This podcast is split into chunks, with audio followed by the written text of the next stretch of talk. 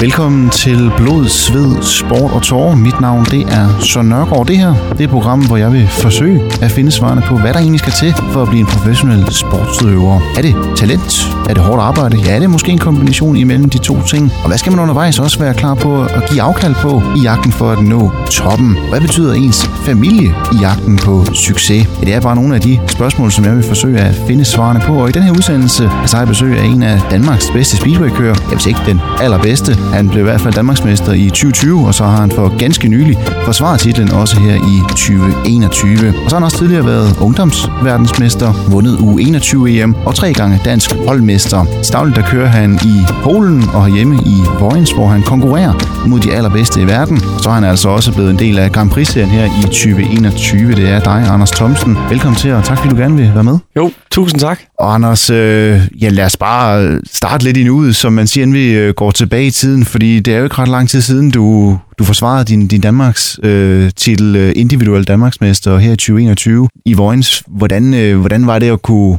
kunne tage til Vojens, din normale hjemmebane, når du kører i Danmark, og, og jeg forsvarer din titel? Jamen, øh, jeg var super fokuseret hele dagen, øh, og ville rigtig, rigtig gerne øh, vise, at øh, jeg kunne godt øh, være den der Danmarksmester titel værdig, fordi at, øh, jeg føler selv, at jeg er en af Danmarks bedste speederkører. Jeg har haft øh, de sidste par sæsoner en utrolig lækker og god sæson øh, med rigtig gode resultater, i hvert fald i Polen. Øh, man kan sige, i starten af året, jamen, der startede jeg faktisk ikke særlig godt ud øh, hjemme i Danmark. Øh, kom ned til Vojens på min, på min hjemmebane. Altså man kan sige, vi har været meget coronaramt, det ikke også? Jeg kørte der faktisk ikke ret meget sidste år, end min DM. Øh, men, men i år der, der, der er ligaen så startet. Øh, og der kom jeg ned og skulle køre min første ligaløb og kunne lave som A-kører, ikke? Og deres, deres, øh, ja, deres topkører, og går ned og laver syv point. Og, og DSC-kører laver flere point end mig. Jeg tænkte, hvad, ja, hvad søren sker der? Øhm, så, så jeg har arbejdet intens på at finde noget setup, øh, og fundet nogle motor, jeg kunne få til at køre på banen dernede, fordi den er lidt, den er lidt speciel i forhold til andre baner. Øh, og og det, det har vi arbejdet super intens på mig og teamet. Øh, vi blev desværre lidt aflyst på grund af lidt dårligt vejr dernede, og, og det har gjort, at jeg ikke har kørt løb på motoren. Jeg har faktisk kun trænet på den, øh, så jeg kommer ud på, på en helt frisk motor øh, til, til, til DM-finalen, men øh, viste sig så, at øh, den passer faktisk utrolig godt til mig. Men jeg tænker også det her med, at øh, altså feltet i år til DM individuelt, det var jo måske det stærkeste, vi har set i, i meget, meget lang tid. Altså, det er vel også meget dejligt at kunne, kunne måle sig mod de allerbedste danske kører, og så sige, jamen det er stadig mig, der er, der er på toppen. Jamen, øh, man kan roligt sige, at øh, DM-feltet i år, det var nok det stærkeste, vi har set i de sidste 10 år. Øhm, så, så det var da jo utrolig fedt at gå hen og så øh, tage titlen for Nicky Pedersen i hvert fald. Og Anders, det er jo, øh, man kan sige, et resultat af, af rigtig mange års øh, hårdt arbejde. Du øh, sidste år vandt øh, DM for første gang individuelt, og så i år kunne, kunne forsvare det, og du er jo rigtig godt kørende lige for tiden. Og den, den, den, her, den her succes, som du har lige nu, både herhjemme, men, men så sandelig også i Polen, hvor du kører mod verdens allerbedste, ja, vejen dertil, det er noget, det vi skal, du har sagt ja til at snakke om den næste ja, lille 50 øh, minutter, en times tid. Så jeg tænker, for at finde ud af, hvordan du er kommet der til i dag, så lad os lige skrue tiden øh, ja, en del år tilbage, fordi vi skal jo høre lidt om, om din vej ind i, i Speedwayen. Hvornår startede det hele egentlig? Jamen, øh, det er meget sjovt. Øh, man kan sige, at min far har kørt faktisk Speedway i Fangel, som øh, de ældre mennesker nok kender til. Øh, der kom man jo bare for sin gamle Bug Maxi eller gamle Kreidler og skruede forlygten og overfladen af, og så gik ud og kørte den hele dag derude. Øh, og så, når man var færdig med at køre løb, jamen, så satte man forlygten og nummerplade på og kørte hjem igen. Så det er faktisk helt tilbage fra den tid, kan man godt sige, det er startet. Øh, men selvfølgelig min far har kørt, og det har været, øh, øh, hvad skal man sige, en familiesport, fordi at, øh, mekanikeren, det var faktisk min mor, og det var min mor, der skubbede ham i gang. Øh, de var samme siden de var 15 år, ikke også? Så, så sporten har ligget i, i, i mit blod i altid. Øh, ikke nok om det, jamen så også min, min fars familie, altså min, hans søstre og det, jamen de er kæmpe speedway-fan. De, øh, de har jo både plakater og alt for tilbage fra dengang øh, Ole Olsen han kørte. Øh, så, så det startede øh, faktisk, da jeg var tre år gammel. øhm, der min far, han væltede og brækket benet. Og så sagde jeg til min far, at øh, jeg tror, det er min tur til at tage over nu. Øhm, og sagde min far så, jamen øh, Anders, hvis du kan lære at cykle uden støttehjul på din cykel, så, øh, så får du en, øh, så får du en spillercykel. Og så sagde jeg til min far, jamen øh, jeg skal op og få skruet de der støttehjul lære cyklen, og så øh, lad mig prøve. Og øh, det gjorde han så, og jeg væltede 100 gange og fik øh, plaster på albuer og knæ. Og så lige pludselig så, øh, så lærte jeg det. Så gik jeg ind til min far og sagde, far, forkom, nu kan jeg. Og så kom han ud og, og kiggede og så jeg kunne cykle uden og så dagen efter, så måtte han jo funge op til at, at købe en 50 kubikker til mig, og så var vejen faktisk bare gået derfra. Men betyder det også i og med, at øh, som du siger, Speedwayen egentlig har ligget i, i familien, øh, ja, siden du har været født og, og mange år før det, at så har der aldrig været sådan rigtig andre sportsgrene indover? Altså har det været Speedwayen ja, fra, fra begyndelsen? Jamen det har det. Selvfølgelig har der vel lidt andre sportsgrene, der var den her drille, øh, men ikke noget, hvor jeg sådan rigtig føler, at det, det er det her, man gør. Øh, fordi speedwayen, den har altid ligget så dybt i mig, og, og man kan sige, jamen igennem hele min karriere, jamen, der er rigtig mange ting, jeg skulle sige nej til. Også øh, med hensyn til kammeraterne, jamen de skulle ud og feste en, en fredag, men der ingen, jeg kan sgu ikke tage med, fordi at, øh, jeg skal køre lørdag morgen. Og, og det, det, i dag, jamen, der er jeg super taknemmelig for, at jeg har gjort det, fordi at, øh, at ellers så tror jeg ikke, jeg var nået til, hvor jeg er i dag. Og hvad har det så betydet netop, at du kan har kunne haft din, din far som, som en støtte fra begyndelsen også? Altså, han har kunne lære fra sig og, og ja, give det videre til dig? Jamen, uh, utrolig meget. Altså, min far det er jo mit idol på en måde. Uh, det er ham, der har jamen, kørt mig rundt i land og rige for og lære mig at blive bedre, og det var, det var også min træner jo, kan man sige. Han lærte mig, hvordan jeg skulle køre på cyklen, og, og brugt utallige mange timer og mange kilometer i bil rundt omkring i, ja, i hele Danmark, eller i hele Europa faktisk, øh, og brugt han brugte jo alle sine penge på, at, jeg kunne komme ud og køre speedway, så, så hatten af for min far. Men når man er ja, de der tre år, øh, hvordan, altså, hvordan starter man til speedway? Altså, der, jeg tænker, man skal også melde sig ind i en klub. Altså, hvor, hvor blev du meldt ind henne? Jamen, min far han kørte i, i Munkebo dengang. Øh, han var selvfølgelig gået lidt på halv. Øh, han var vel lige omkring de 40 dengang. Eller lidt yngre var det vel, men jeg synes, han var gammel i hvert fald, så det var på tide, han skulle stoppe. Øh, men nej, nede i, i de forskellige klubber rundt omkring i, i Danmark, jamen der har de faktisk nogle små PB50-cykler, øh, hvor folk de kan komme ud og prøve at køre speedway og se, om det er noget for dem, hvor de, altså, de har alt udstyr, hjelm og briller og body armor og det hele. Og der, øh, der kan man faktisk komme ud og prøve.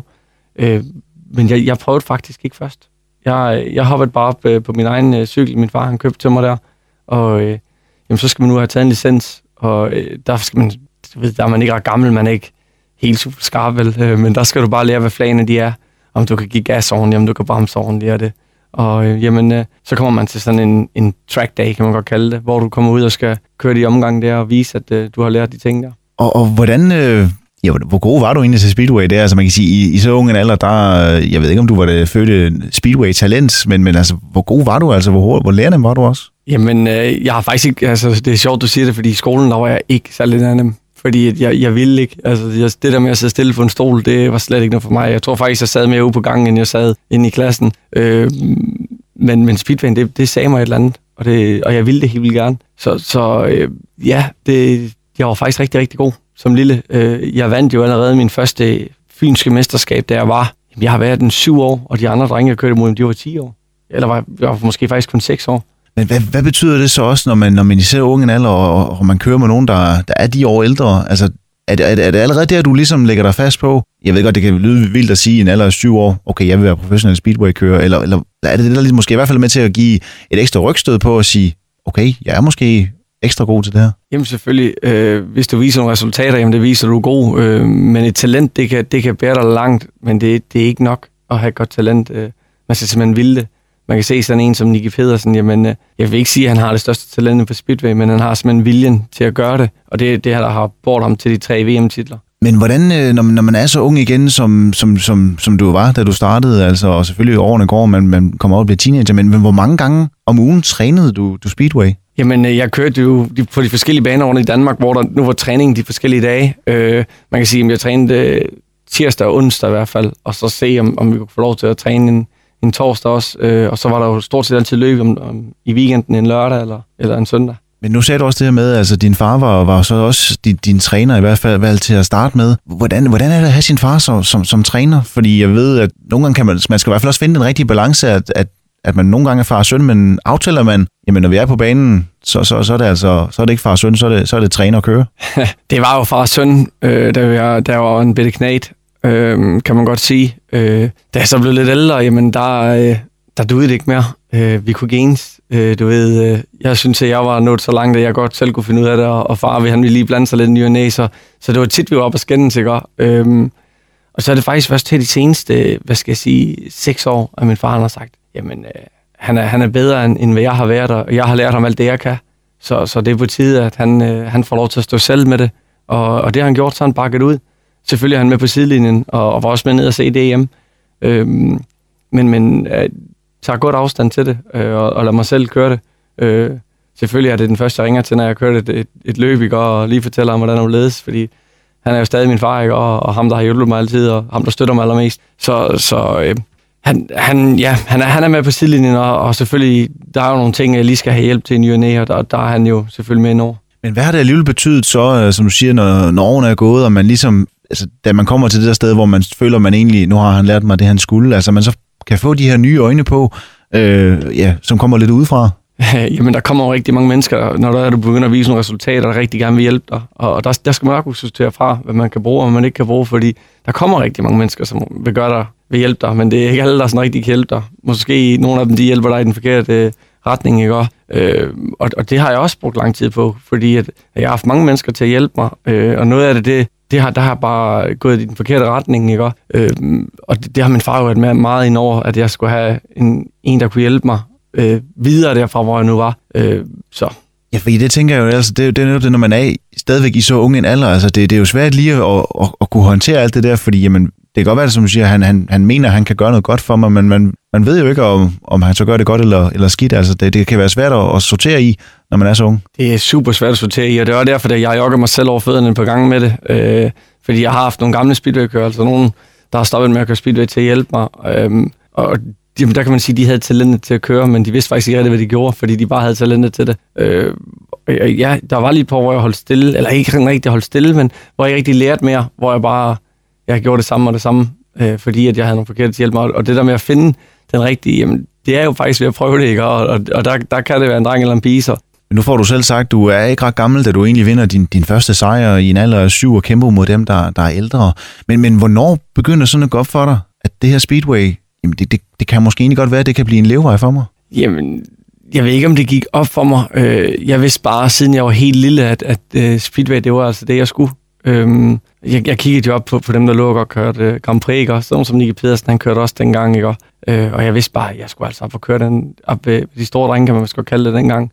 Øh, den vil jeg op og køre med, og så vil jeg blive verdensmester en dag. Og kan man sige, det, du er i hvert fald kommet dertil, hvor du er blevet Danmarksmester nu, og du skal til at køre øh, Grand Prix også, men, men jeg tænker også, som du fik selv navnet det her, når man, når man kommer op i, i årene, altså teenageårene, der, der, der er jo pludselig nogle ting, man skal til at, at sige nej til. Kammeratskabet i weekenderne, i form af måske nogle fester, øh, man, man ikke kan være med til.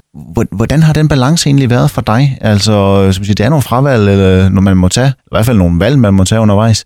Men, men hvordan, altså, hvordan har det været for dig? Fordi da du, da du øh, kom op i slutningen af folkeskolen, noget startede gymnasie, handelsskole, det ved jeg ikke, hvad du egentlig har, har gået af den vej rundt. Men, men altså, hvor, hvor svært er det? Fordi man er jo stadig ung, og man vil også gerne ja, nyde sin ungdom. Jamen, øh, det er sjovt. Det er en sjov balance, det der, fordi selvfølgelig har jeg været ude sammen med mine kammerater, og hvis jeg havde fri, og jeg ikke skulle køre, jamen, så, så var jeg sammen med mine venner, fordi det betyder faktisk rigtig meget for mig, at øh, være sammen med sine kammerater, og, og se, hvad, hvad, hvad, hvad er det nye på, på, øh, på højlinjen, ikke? Øh, så, men men, men det, det var en fin balance. Min far han har altid fortalt mig, at hvis det er speedway, du vil, så er det, så er det all in på det. Øh, det der med fester, jamen, øh, du kan godt tage til fester, men øh, så drikker du en solovand, og så øh, kommer du ikke på sent hjem, fordi vi skulle køre løb i morgen. Så der var jo selvfølgelig nogle aftener, hvor jeg var ude, men det var kl. 12, så var jeg hjemme igen, fordi jeg skulle være frisk til dagen efter, ikke? Og, øh, selvfølgelig så, øh, så er der mange ting, øh, jeg, jeg sagde nej til. Øh, hvis det nu var, der, der var nogle... Altså, nu var det ikke fordi, man gik i byen engang, vel, men der var jo nogle halvvalg rundt omkring, og, og jamen, det var ikke ret meget, jeg var til det, fordi at, øh, jeg skulle være frisk og udvildt til, til at køre weekenden. Og, og, min, og mine kammerater, de respekterede det faktisk. Øh, fordi de vidste godt, at det var speed, jeg ville, og, og selvfølgelig er der også faldet nogen af på vejen, fordi at, øh, øh mange unge mennesker, jamen, øh, der, øh, deres livsstil, den går meget via at skal i byen og det ene eller andet, jamen den livsstil, den kunne jeg bare ikke tage. Men så hjælper det vel også lidt, som du siger, altså når man så også kan se, jamen okay, jeg sagde nej til en fest fredag, men så, så kørte jeg også med i toppen, jeg gik måske endda hen og vandt løbet i weekenden. Altså så, så kan man også se, jamen så er det også både frugt jo. Jamen det har det helt sikkert, og jeg har jo set mange gange i sporten, at, at vi har haft øh, de kører, som, som tog den tur der i byen, ikke? og jamen, inden de nåede 25, jamen, øh, så havde de solgt alt grejt og, og fundet den levevej. Øh, og, og det ville jeg ikke, fordi jeg, jeg ville sætte 100% på speedwayen. Øh, så, så jeg, øh, jeg er super taknemmelig for, at min far han sagde det til mig dengang, fordi jeg var ikke klogere jo. Altså, hvis det var, at han ikke havde sagt det til mig, så var jeg da også sikkert strøgen i byen. Og netop det her med øh, familien og dens rolle op igennem øh, ungdomsårene, og også sådan set øh, din karriere til, hvor du er i dag, det er noget, det vi snakker videre om lige efter et kort stykke musik.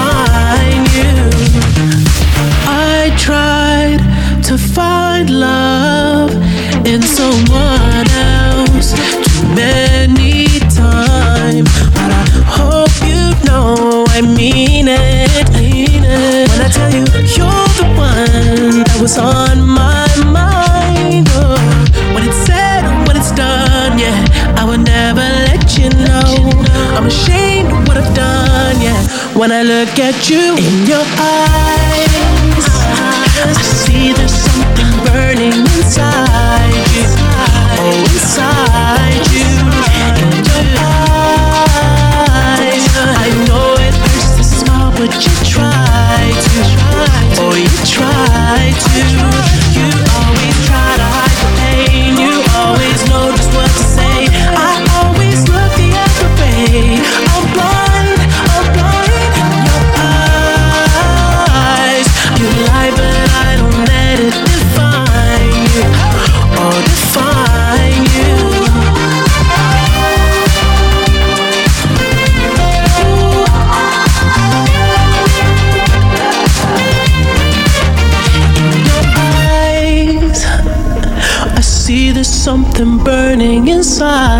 you. Oh, inside you.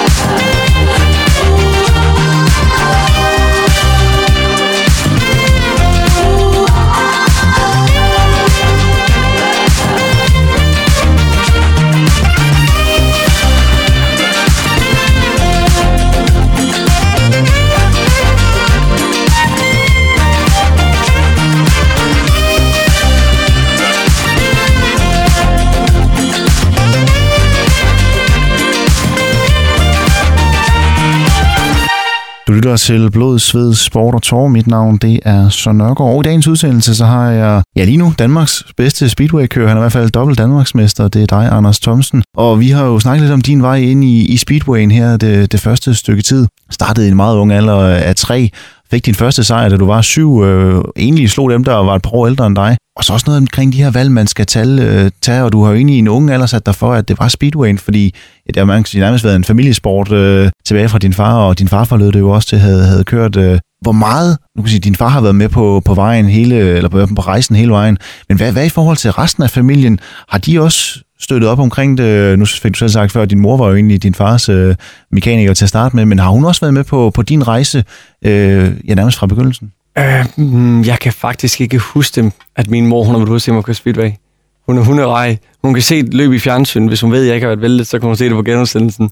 Men ellers så, øh, min mor, hun, hun, hun ser det ikke. Hun, ikke fordi hun ikke vil, men øh, hun, hun tør simpelthen bare ikke. Øh, det, det, hvis jeg nu kommer til skade eller andet, øh, det, ja, det, det er hun for blød til, kan man sige. Øhm, men, men hele familien, jamen, jeg har jo to søskende også. Øh, jeg har en tvillingssøster og en storsøster. Og øh, jamen, de har jo både været startpiger og det ene og det andet. Altså, de, de har det også i blodet.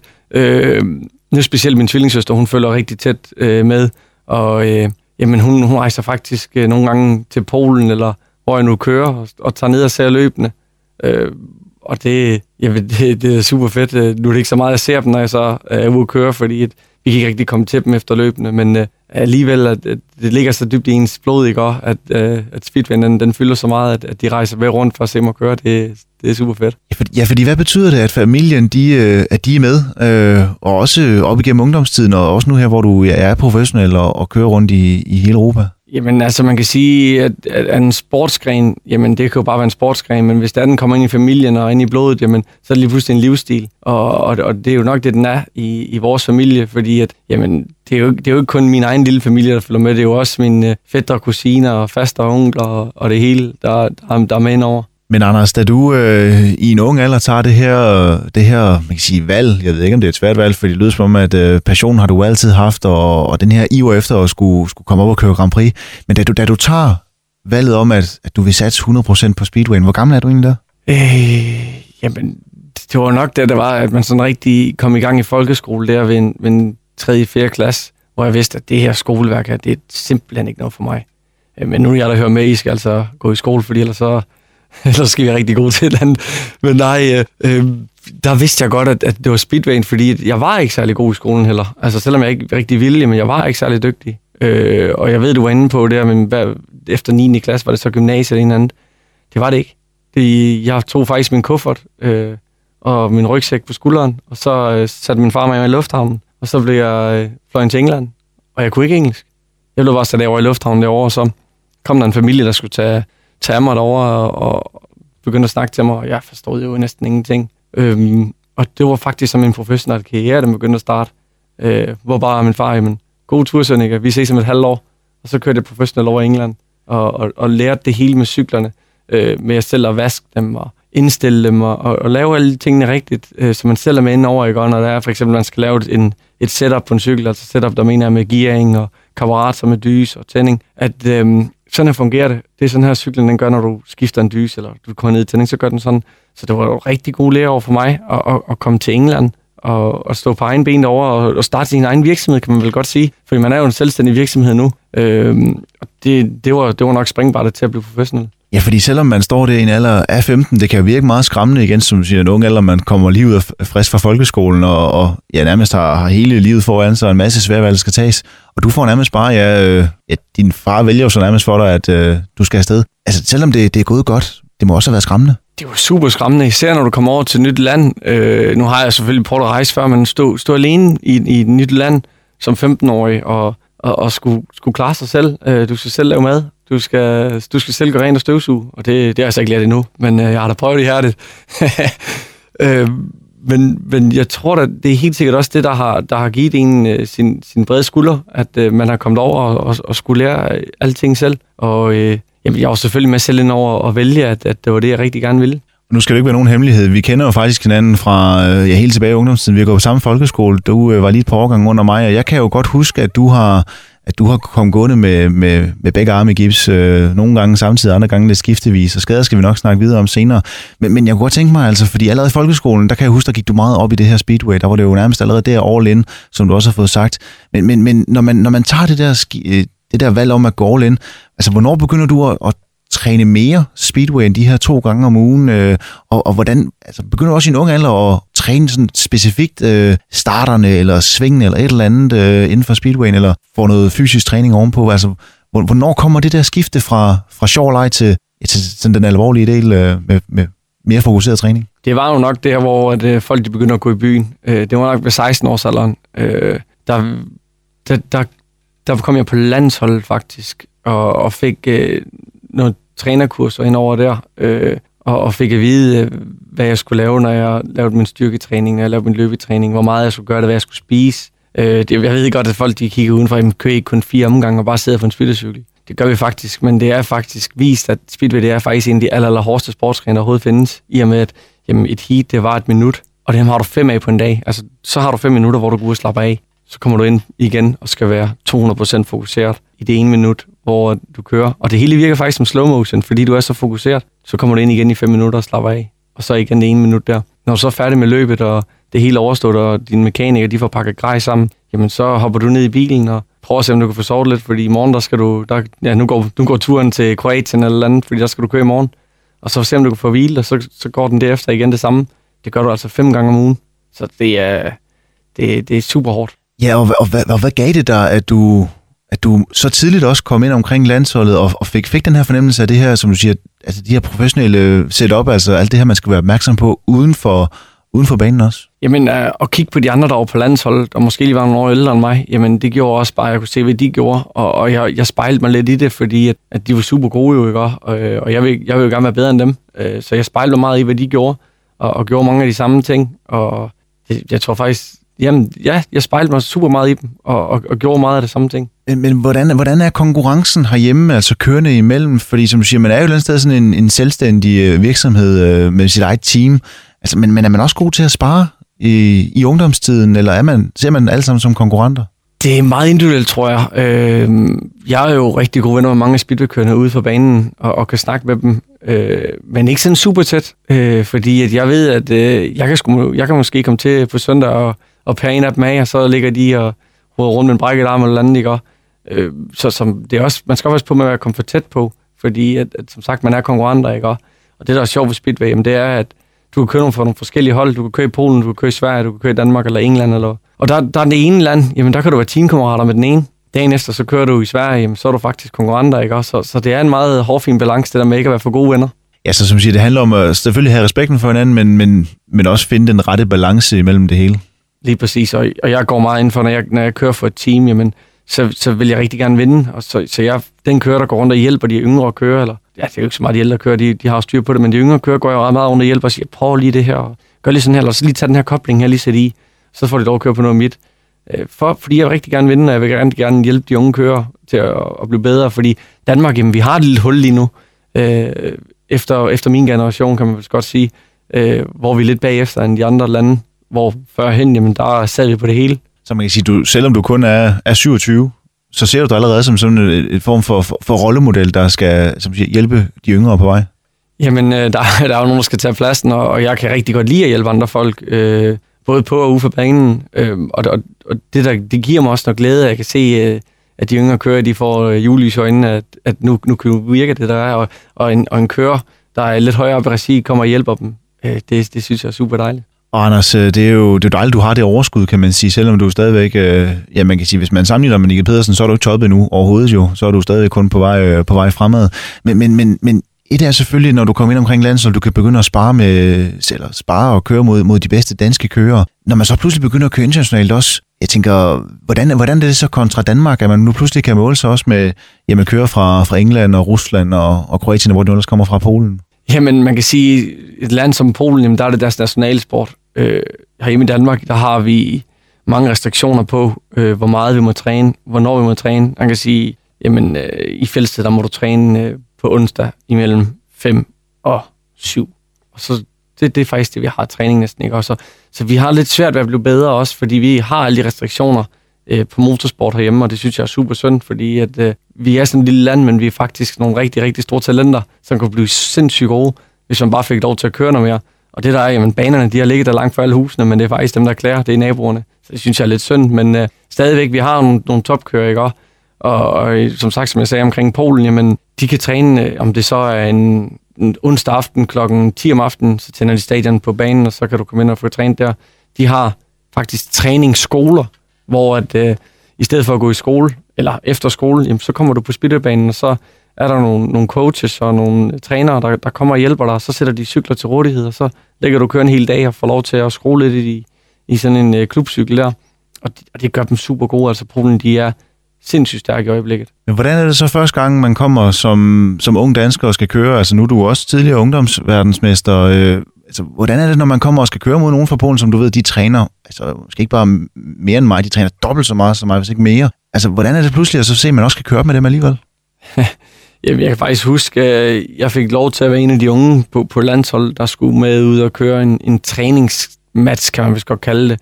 Øh, og det var nede i Opole, nede i Polen. Og der var jeg sådan lidt deres femte kører dengang. Og jeg, jeg kom med min egen dragt, og de andre fra mit hold, jamen, de havde jo danske dragter på, ikke? Og med dansk flag på, og teamdragter, kan man godt sige der. Og så stod jeg at være det sorte for, ikke? Men kom faktisk ud og, og, og på banen og vandt faktisk min heat over nogle af de aller, allerbedste polske kører, der overhovedet var dengang. Og, og, og hvordan, hvordan var det? Altså jeg tænker, det må jo kun give, som du siger, ekstra meget motivation på, at det man har, det, man har gjort, og den vej, man har valgt at gå med Speedway, at det, det har altså været det rigtige. Jamen, jeg tror faktisk på det tidspunkt, det var faktisk det, der lavede lidt springbrættet til at blive rigtig god. Øh, fordi at jeg, jeg viste, at jeg kunne godt, og det gav mig noget selvtillid og, og vilje til, at jamen, øh, hvad fanden, de har også kun to hjul. alt kan lade sig gøre, jeg kan godt gøre fra dem. Så, så efter det, der, der arbejder jeg super intens på at blive endnu bedre. Og jeg tænker, det har vel også krævet rigtig meget mentalt, både i, i ungdomstiden og også nu her, hvor du er gået, gået over ind og blevet, blevet professionel. Sindssygt meget. Øh, men det, jamen det mentale, det er jo faktisk 70 procent af det, øh, at kunne holde hovedet koldt og, og være super fokuseret. Men det er jeg helt sikker på, at, at det er faktisk vigtigere end at have formen.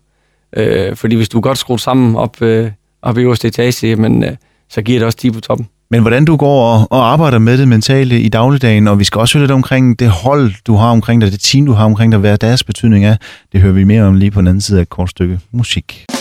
Mm.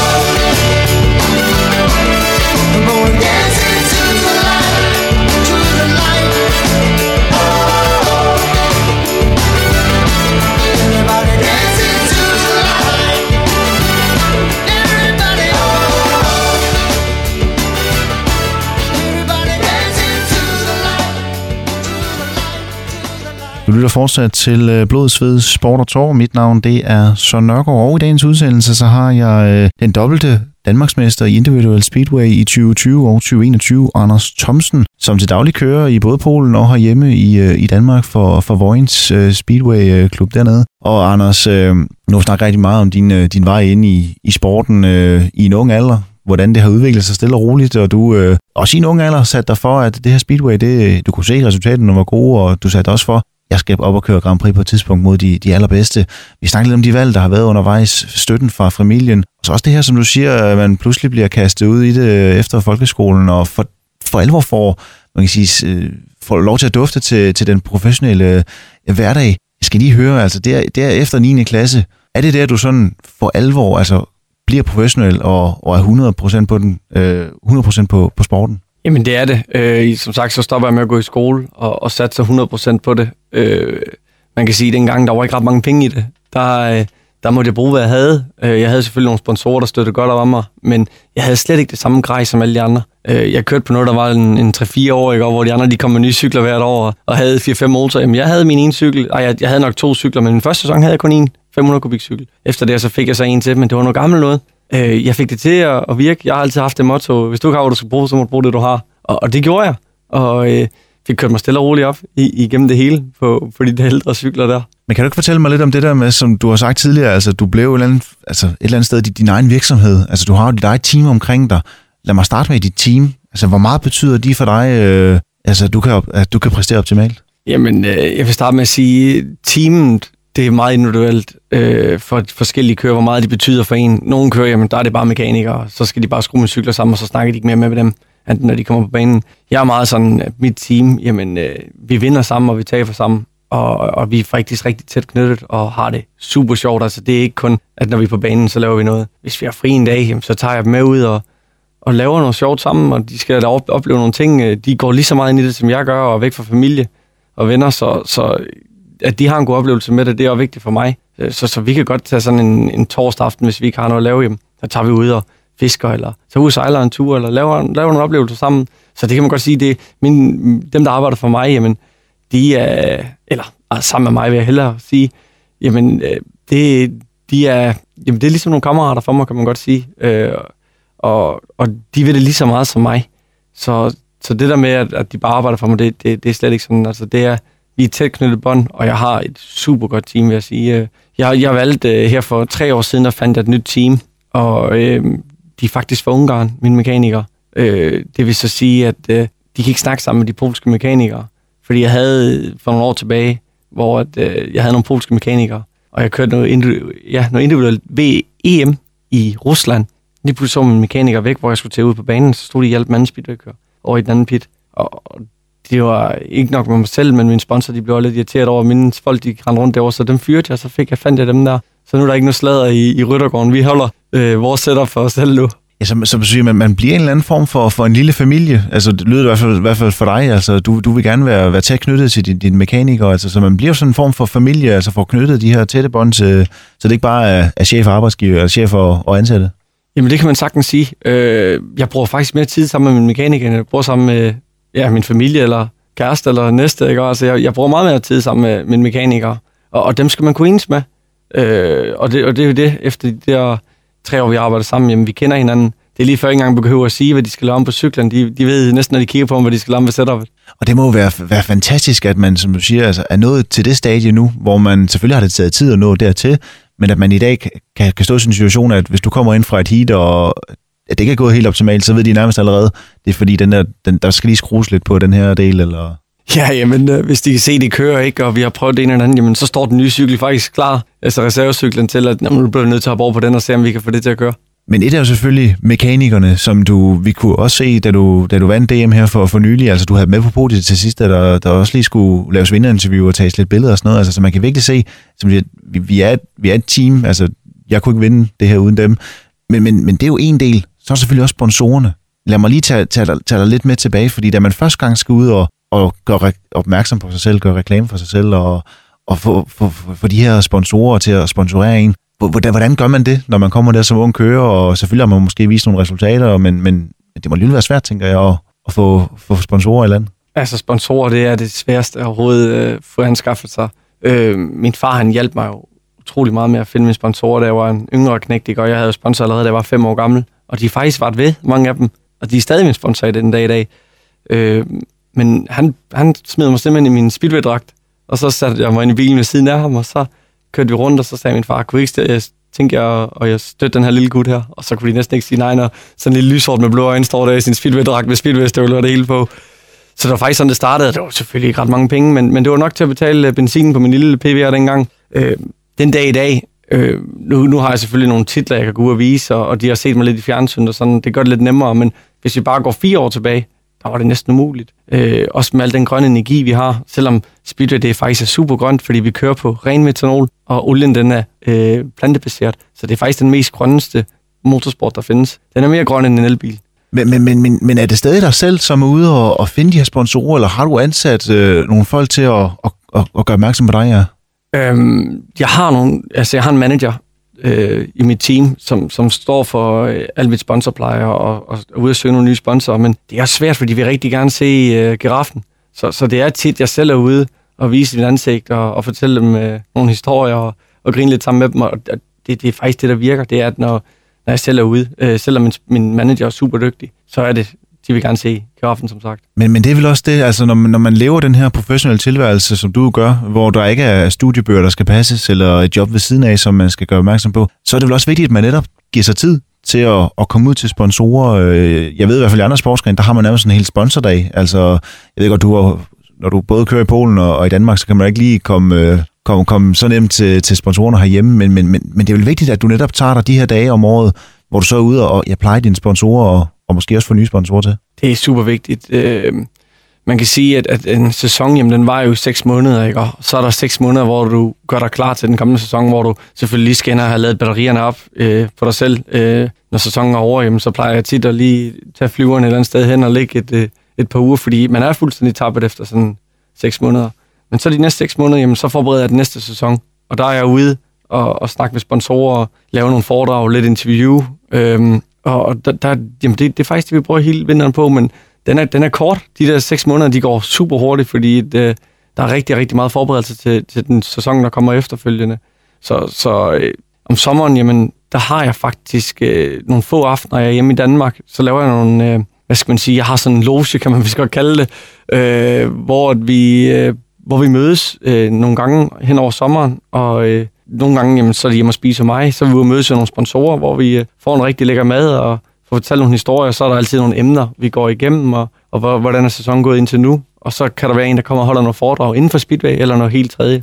Så man kan sige, altså det lyder som om, at du, selvfølgelig er du en rigtig dygtig speedway-kører, men, men det her med, at du også gerne, du vil gerne hjælpe de unge, selvfølgelig skal man pleje sponsorerne, men, men, men det virker så altså, det virker som om, at det er også noget, du, altså, du vil det gerne. Altså det er ikke bare, det er ikke bare en del af jobbet, men du vil det også gerne lyde det til. Jeg vil det super gerne. Øh, jeg er vel også kendt som Mr. Nice Guy inden for Speedway, fordi jeg er altid smilende og, og glad. Altså, nu er jeg ikke særlig god til at mig selv, men, men, men det er jeg nok. Øh, og jeg synes, det er super vigtigt, at vi bevarer vores sport, fordi det, det er faktisk den sport, vi øh, har været bedst til nogensinde. Øh, og jeg synes, den er, den er værd at uddø lidt, og jeg synes, det er super synd, fordi at, øh, vi har en sindssygt god historie. Øh, vi har aller, aller flest VM-titler nogensinde, så øh, at hjælpe de små op og skal vinde nogle VM'er, det er super vigtigt for mig. Og Anders, øh, det er jo fantastisk at høre det her, den her tilgang, du har til det, til, til det hele, men, men, men livet som, som 100% øh, professionel sportsudøver inden for, inden for Speedway, hvad, hvad giver det også dig, at du netop ikke har det her job, du skal, skal passe ved siden af, eller studiebøgerne, der, der kalder os sent om aftenen? Altså jeg tænker også i forhold til selvfølgelig måden, du, du lever på, altså spiser rigtigt, men, men også det med, at du skal restituere, øh, måden du vælger at træne på, altså det må vel også give en masse man kan ikke sige fritid, men, men altså i hvert fald det her med, at du kan, du kan planlægge din, din uge meget specifikt. Jeg ved godt, selvfølgelig skal der køres løb, øh, og det er både hverdag og, og weekender, men du kan måske godt tage en træning, hvor du siger, men nu, nu, nu bruger jeg en halv time, hvor jeg kun øver starter, eller en time, eller et eller andet. Altså det giver jo også noget mere frihed i, i forhold til, hvordan du kan være i din træning. Det er helt klart, øh, den måde, jeg faktisk øh, forbereder øh, min, min store løb på, jamen, øh, jeg er jo meget naturmenneske, jeg har en stor passion for at komme ud i naturen eller i skoven. Jeg fisker meget, som sagt, øh, går på jagt, øh, og, og det bruger jeg super meget tid på. Øhm, og især faktisk aftenen, før jeg så kørt et stort løb, jamen, så er, jeg, så er jeg i skoven, eller så er jeg ude at fiske ved en sø, og, og få slappet af, og kan tænke tingene igennem mentalt. Øh, I morgen, der kører vi på den her bane. Øh, den kan godt være lidt glat, den kan godt være lidt træk på, vi skal have det her grej med. Det hele, alt grej står selvfølgelig klar, men, men så tænker jeg tingene rigtig, rigtig specifikt igennem, og tænker, at jamen, i morgen der kører vi her. Øh, jeg skal starte på bane 1 med rød hjelmfarve i det her heat, og så næste gang, så skal starte på bane 3, og der er det lige ved du efter en banefly. Hvad kan vi lige gøre ved cyklerne der? Fordi efter banefly, der kan banen være lidt våd og lidt anderledes af, hvad den ellers er normalt. Hvad gør vi så ved cyklen der? Så, så jeg bruger meget tid øh, aftenen før på at tænke tingene igennem. Om morgenen, når jeg vågner, jamen, så har jeg mine ritualer, hvad jeg plejer at gøre. Og, og det, det, jeg gør altid det samme om morgenen, når jeg står op. Og er det nogle ritualer, du vil, vil dele ud af, eller har du dem privat? Jamen, det, det ja, jamen, jeg ved ikke rigtigt, om det, det er specielt. Øh, jeg gør bare det, jeg plejer at gøre. Du ved, øh, slår klukkerne op om morgenen, og så hopper direkte i et langt, varmt bad, og så, så står jeg lige og synger lidt i badet, og lige tænker tingene igennem, og, og tager det samme farve håndklæde, ikke? og gør de samme små øh, dumme ting. Øh, men det gør bare, at jeg øh, er forberedt til, til min dag, fordi så ved jeg, når jeg gør de her ting her, så har jeg løbet om aftenen. Så har jeg, så er jeg bare klar. Nu fik du også sagt det her med altså, at komme ud i naturen, om det er så en fisketur eller, eller på, på, på, på jagt. Det, det, det hjælper også dig rigtig meget mentalt.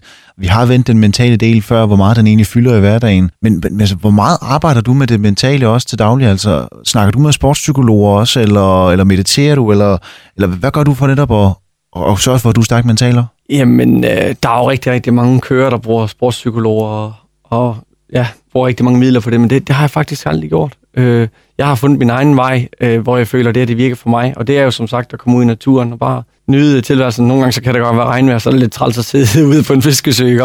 Men, men bare sidde lidt for mig selv øh, og, og sidde og tænke tingene igennem, det, det er super vigtigt. Og hvad, hvad, hvad i forhold til, til, til at bruge familien også? Øh, nu har du din far, som, som jo også kender sporten ind og ud. Jeg ved godt, det lyder altså sådan træningsmæssigt, at han har trukket sig tilbage. Men, men, men det er vel også ham, du kan gå til, øh, hvis det lige ikke kører helt optimalt, eller som siger, der er nogle, nogle ting, du er i tvivl om, eller ja, bare har et spørgsmål det er helt sikkert ham, der får et spørgsmål, ikke? Men, men det mentale, det, det, det, det holder jeg lidt sådan for mig selv. Øh, det, det bokser meget nemmere med selv, synes jeg, i stedet for, at jeg skal høre alle andres mening, fordi det, det hele skal nok løse, og der kommer en ny dag i morgen.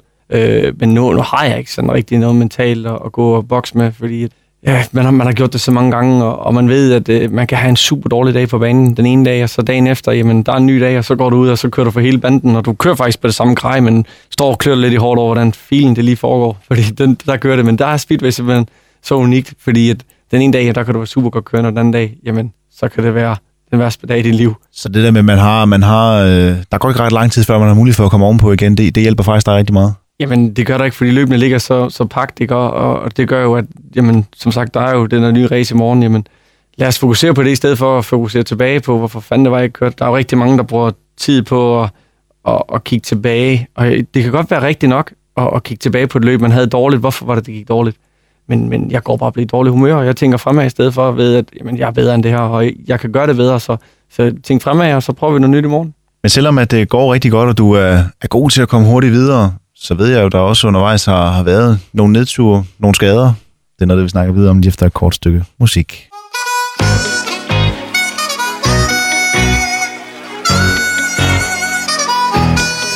It's going down. I'm yelling timber. You better move. You better dance. Let's make a night. You won't remember. I'll be the one. You won't forget. Ooh.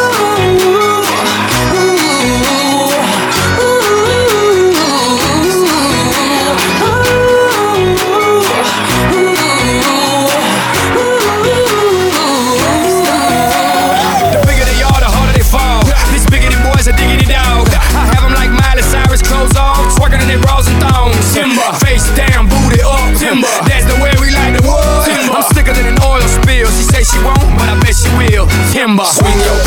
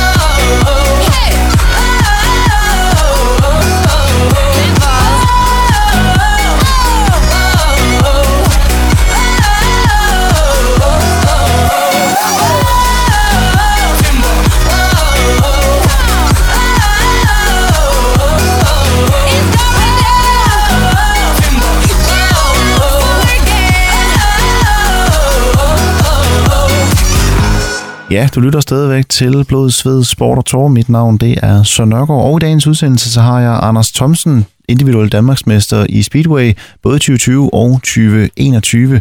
Og Anders, vi har snakket rigtig meget om din øh, vej ind i Speedwayen. Ja, man kan sige nærmest, det er en, en familielivsstil, i og med at din, øh, din far også har kørt og, og så har givet videre til dig. Og ja, så tiden op igennem ungdommen, hvordan Speedwayen den egentlig bare voksede og voksede på dig, og, og en tidligere også, øh, også fandt ud af, at øh, Grand Prix, det var noget, du gerne ville, og det her med professionel, det er jo så en tilværelse, du, du lever i dag, fordi ja, du havde altså også talentet, og du har også arbejdet hårdt for at nå det til, hvor du er i dag. Men jeg ved jo, i takt med, at vi altså også øh, tidligere har gået på samme folkeskole, at der har været nogle skader undervejs. Måske også nogle nedture, hvor resultaterne ikke, de ikke lige er kommet. Men, men, men, men kan, du, kan vi ikke lige starte med de her skader? Altså, jeg ved jo, der har været nogle, nogle brækkede arme og nogle, nogle, nogle, nogle kravben, som heller ikke har haft det alt for godt. Når man har, har haft alle de her skader, altså når man ikke har tvivlet lidt på, om, om speedway det så skal være, være ens levevej. Jeg har haft super mange skader, og det er nok derfor, jeg sådan faktisk først nu er begyndt at, at vise ansigt ud af til, fordi at jeg havde jeg var kørt mega stærkt, da jeg var unge, men øh, jeg har altid præget meget af en brækket arm, eller et ben, eller et kravben, som sagt, eller et eller andet. Og, og det er jo selvfølgelig, det, det, det, det trækker håndbremsen øh, i din karriere, og, hvor man som sagt, de holder stille lidt. Øh, men jeg synes ikke, altså, hvis du virkelig gerne vil det, jamen, så bliver du heller ikke rigtig bange for det. Fordi der er mange, der bliver bange for sporten, fordi det går så stærkt. Der er ikke nogen bremser på den gede der. Og der er mange, der bliver bange for det, som sagt. Og der, øh, jeg ved ikke, om jeg bare ikke er klog nok, men jeg bliver, jeg bliver nok ikke aldrig nogensinde bange for det. Øh, jeg vil bare rigtig gerne vinde. Øh, men jeg har haft rigtig, rigtig mange skader, og kommet rigtig mange gange op i skolen med, med en brækket arm eller brækket ben. Øh, men øh, gipsen kan man sagtens selv tage, altså. Og det har jeg gjort mange gange, og så været ude på, på cyklen igen. Øh, men her de seneste par år, jamen, der har jeg faktisk kørt rigtig skadesfri, øh, hvor jeg ikke rigtig har haft de store skader, og det er nok det, der har gjort også, at, at øh, jeg er blevet det bedre. Men jeg tænker jo stadigvæk, altså, et er selvfølgelig at brække armen en enkelt gang, det kan jo ske, det har de fleste nok været udsat for, øh, og måske også et kravben, hvor, hvor man lige lander forkert. Men, men når det sker flere gange, altså jeg synes, det er imponerende, men det må også igen vise den der mentale styrke, du har haft, øh, den her ja, målrettethed, du har haft i en ung alder om, at jeg skal nok komme tilbage. Jamen altså, en rigtig dreng har brækket en arm og haft gips på. Øh, det har jeg så haft rigtig mange gange, så jeg må være en rigtig dreng snart. øh, men ja, jeg havde viljen, og, og jeg vidste, at øh, min arm den skal nok gro sammen igen. Øh, jeg skal bare ud køre noget speedway simpelthen. Det, det var det eneste, der gik ud for, det var bare, at jeg skulle køre det race der igen. Øh, så at brække en arm, jamen det er et. Øh, selvfølgelig kan man komme mere voldsomt til skade, hvor jeg har haft nogle kollegaer, der, der har været øh, slemt ramt af skader, ikke, og om at stoppe karrieren. Øh, men der tænker du igen, jamen jeg er ikke en af dem, der kommer til det stadie. Jeg tænker, jamen det, det sker ikke for mig. Men alligevel, når man så er i sådan en periode her, hvor at, ja, man ikke man er ukampdygtig, fordi at man har enten begge arme, eller den ene, eller et ben, eller et eller andet i gips. Jeg tænker, du må alligevel have, måske særligt de første par gange, hvor, hvor det sker, altså der må du alligevel have haft noget, altså rådført dig hos noget, ja, måske din far, om at, at kunne, hvordan holder man humøret oppe? Altså, er det bare ved at se fremad? Ja, uh, den, den er svær, ikke? Og, øh, jamen, gips, det har man på et par uger. Øh, selvfølgelig går man glip af nogle løb, og, og det, det er mange penge, man går glip af, ikke? Også, øh, fordi du skal, den, den, de to uger, du, du står stille, jamen, der kommer du to uger bagud efter alle de andre. Øh, både på grej og, og pengemæssigt, fordi du holder stille, du ikke kører liga. Jamen, øh, at holde hovedet koldt og, og, og op, jamen, øh, det, det er jo et. Øh, men min far har været super dygtig til at være med ind over og sagt, jamen prøv at høre, det, det gror sammen igen, ikke? Men der har været utallige mange skader, og, Og han har sagt mange gange, øh, den gamle, det er de seneste, altså nu ikke de seneste par år, men årene forinden det, at øh, det var så godt være, du skulle finde på andet at lave snart, fordi du har brækket mange lemmer, men jeg havde simpelthen bare viljen, og, og, og jeg ville det så meget, at øh, prøv, jeg skal simpelthen gøre speedway. Men man kan så sige, ja, skader, det kan åbenbart ikke stoppe dig inden for, for Speedway, og, og ja, som sagt, det går rigtig godt lige nu. Du er, du er i topform, du er dobbelt Danmarksmester individuelt. Øh, men hvad er sådan i forhold til, til nedture? Altså, det lød til, at ja, den første resultat, det kom i en alder af syv, men, men undervejs i din karriere, så hvis man ser bort fra skaderne, så må der også have været andre nedture, hvor, ja, hvor det bare ikke lige har kørt, altså, hvor, hvor der bare måske ikke har været fart nok i cyklen, eller der er bare nogen, der har været bedre end dig. Der, øh, jeg kan huske, øh, i sæson 15, 2015, der var jeg super godt kørende og, og vandt stort set alt, jeg rørte ved. Øh, året efter, jamen, der var jeg bare røget ned i et hul. Øh, kunne ikke rigtig motivere mig selv til at skulle køre. Og, ah, skal vi nu køre i morgen igen? Og, ah, det er jo presset. Skal vi ikke lige holde lidt fæ? Og, og sådan, men der havde jeg også en sæson, hvor at det gik efter bogen. Øh, jeg var godt nok kvalt mig til, til EM-serien og, og skulle køre EM både i Rusland og rundt omkring. Og, og jamen, jeg kørte sgu ikke særlig stærkt og faldt også af nogle gange. Og, og sådan, øh, øh, og d- man kan sige, jamen, det, det var så de seks måneder der, hvor jeg var lidt nede i et hul, øh, hvor, jeg, hvor jeg stadig havde nogle, nogle resultater, der, der var okay gode, ikke? Og, men, men den der vilje der oppe i hovedet, altså eller, viljen var der, men, det, men cyklen til at, at tage ud og virkelig bare skyde af dag efter dag øh, på cyklen derhjemme, den var sådan lidt rusten, synes jeg. Og så, så arbejdede jeg selvfølgelig med det om vinteren, øh, og sagde, men øh, 17, det bliver mit år, det er der, vi skal ud og, og give den gas igen. Og rigtig nok, jamen, så var vi på toppen igen året efter. Men er det så sådan en periode, der tilbage i 16, er det sådan en periode, du kan se tilbage nu, hvis du skulle ramme ja, en, en stime, hvor resultaterne bare ikke er der? Altså se tilbage på, jamen, jeg har oplevet den her situation før, og jeg har vist, at jeg skal nok komme tilbage. Jamen, jeg tror, der er rigtig mange kører, der har haft en periode, øh, hvor der har været et år eller to, hvor de har været nede måske. Jeg har været heldig, det kun lige har været et enkelt år. Øh, og, og jamen, som sagt, så, øh, så kan jeg huske sådan en som øh, Christoph Kaspersjak fra, fra Polen af. Jamen, han i 2014, der ville han have været verdensmester, hvis han ikke havde brækket benet, og hvor han gik glip af tre Grand Prix, men sluttede stadig nummer to. Og han var super godt kørende, vandt også alt ret ved året efter. Han anede ikke, hvordan man kørte speedway. Og det gør han stadig ikke den dag i dag, så han har været nede i et rigtig, rigtig dybt hul, i går. Øh, og det hul, det håber jeg selvfølgelig aldrig nogensinde, jeg rammer, men jeg kommer også med et smil på banen, og, og synes, det her det er skide fedt, i stedet for at sige, ah, skal vi nu kunne spille igen? Så tænker jeg, ah, det her det er pisse fedt, nu skal vi gøre det, jeg allerbedst kan lide. Og det kan man sige, det har du gjort i, i rigtig mange år efterhånden. Det er også derfor, du er nået dertil, hvor du er. Du har haft glæden ved det, så også selvom det er blevet mere og mere professionelt undervejs. Og Anders, nu nærmer vi os jo øh, afslutningen på, på dagens udsendelse. Så her til allersidst, vi kunne snakke meget længere omkring øh, din karriere, hvor du er nu her, øh, hvordan du er kommet hertil i dag. Men her til allersidst, hvis du nu skulle give et råd videre til, til nogle af de unge, altså du har allerede sagt, du er begyndt at tage, tage lidt hånd om de yngre og køre, men hvis du skulle give et råd til nogle af de helt unge, altså nogle af dem, der måske er de der øh, 10-årsalderen, lige kommet ind i Speedway, eller i hvert fald se op til sådan en som, som dig, og tænker, jeg vil gerne være den nye Anders Thomsen om, om x antal år. Hvad er det bedste råd, du kan give videre til, til de unge Speedway-kører? det er helt sikkert at være med at lave det for kompliceret, og, og nyde det, og hygge sig med det, i stedet for, at der er mange forældre i sportsgren, der går ud og skælder ud på børnene, når de ikke gør det godt og sådan, og så har de en dårlig oplevelse med det, og synes faktisk ikke, det er særlig sjovt at skrive ud på speedway igen, fordi så skal jeg skælde ud af far. Det synes jeg er synd. Øh, nu om dagen, der skal det hele også se farligt fint ud, og det skal koste mange penge, og man skal have mange cykler og grej. Det er slet ikke nødvendigt. For jeg havde noget gammelt noget, og jeg lignede, jeg ved ikke hvad det er, jeg kørte speedway, men hvad det jeg kunne køre fra dem alligevel, og så var det meget der var en pludselig, når jeg kom på mit gamle grej. Så lad være med at gøre det kompliceret øh, og gøre det for dyrt, fordi det er slet ikke en ret dyr sport, hvis du bare skal ud og hygge dig med det. Og så, øh, når du kommer højere op i regi, jamen, så er der, er der præmiepenge, der kan gå ind og betale for de dyre grej. Så jeg ved, der er mange forældre, der, der er skræmt af at øh, skulle bruge mange penge på speedway, men det koster ikke mere end de penge, du bruger på det. Så lad være med at gøre det kompliceret og, og nyde din sport, så skal det altså nok drive dig et godt stykke hen ad vejen. Anders, øh, jeg siger mange tak, fordi du vil være med, og så må du have rigtig meget fortsat held og lykke med karrieren. Det er mig, der takker.